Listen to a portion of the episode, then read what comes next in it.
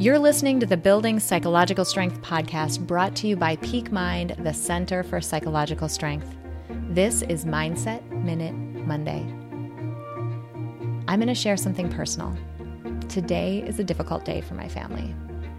My dad passed away from colon cancer 30 years ago this very day. And his passing impacted me and my family in all of the ways that you would guess.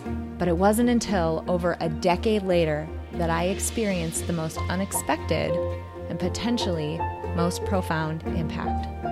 I was in grad school and I was thinking about all of the things that I wasn't doing because I was afraid of judgment and imperfection and failure. And a question popped into my mind that truly changed the trajectory of my life forever. What would my dad give to have the opportunities that I'm wasting right now? This week, I ask you to ponder that question. What opportunities are you wasting because you're afraid? And how might you take just the first step?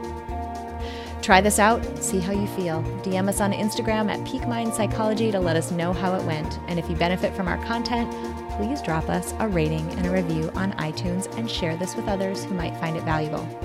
One last quick thing check out the description of this episode for an incredible offer from Blinkist, one of our newest sponsors and the maker of one of my favorite apps.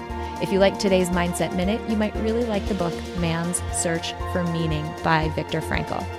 What if you could get the main insights from that book in 15 to 20 minutes? You absolutely can with Blinkist. Check out the link in this episode description, and we'll see you next week for another Mindset Minute Monday.